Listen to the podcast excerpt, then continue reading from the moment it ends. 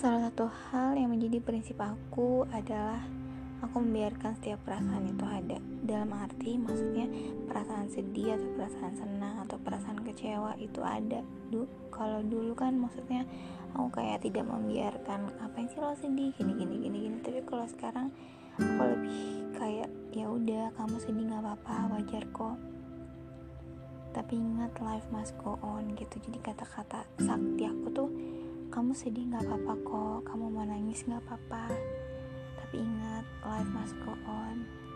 Kamu mau rasain perasaan itu dulu boleh gitu. Jadi kayak lebih membiarkan perasaan itu ada perasaan apa pun. Kalau aku ngerasa kayak kecewa atau aku marah atau aku sedih aku nangis aku make it flow aja.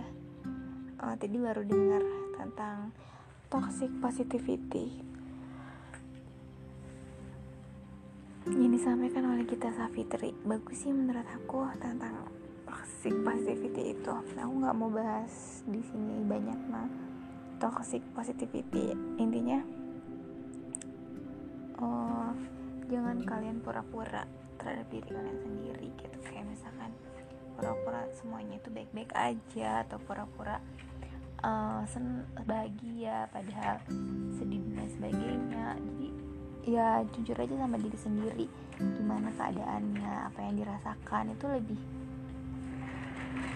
jujur gitu. Jadi ketika kalian jujur sama diri kalian sendiri kalian jadi bisa mengidentifikasi juga apa yang seharusnya kalian lakukan atau apa yang kalian butuhkan kayak gitu.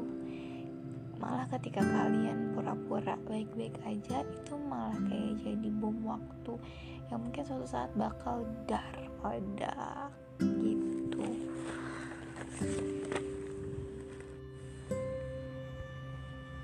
Oke okay, enough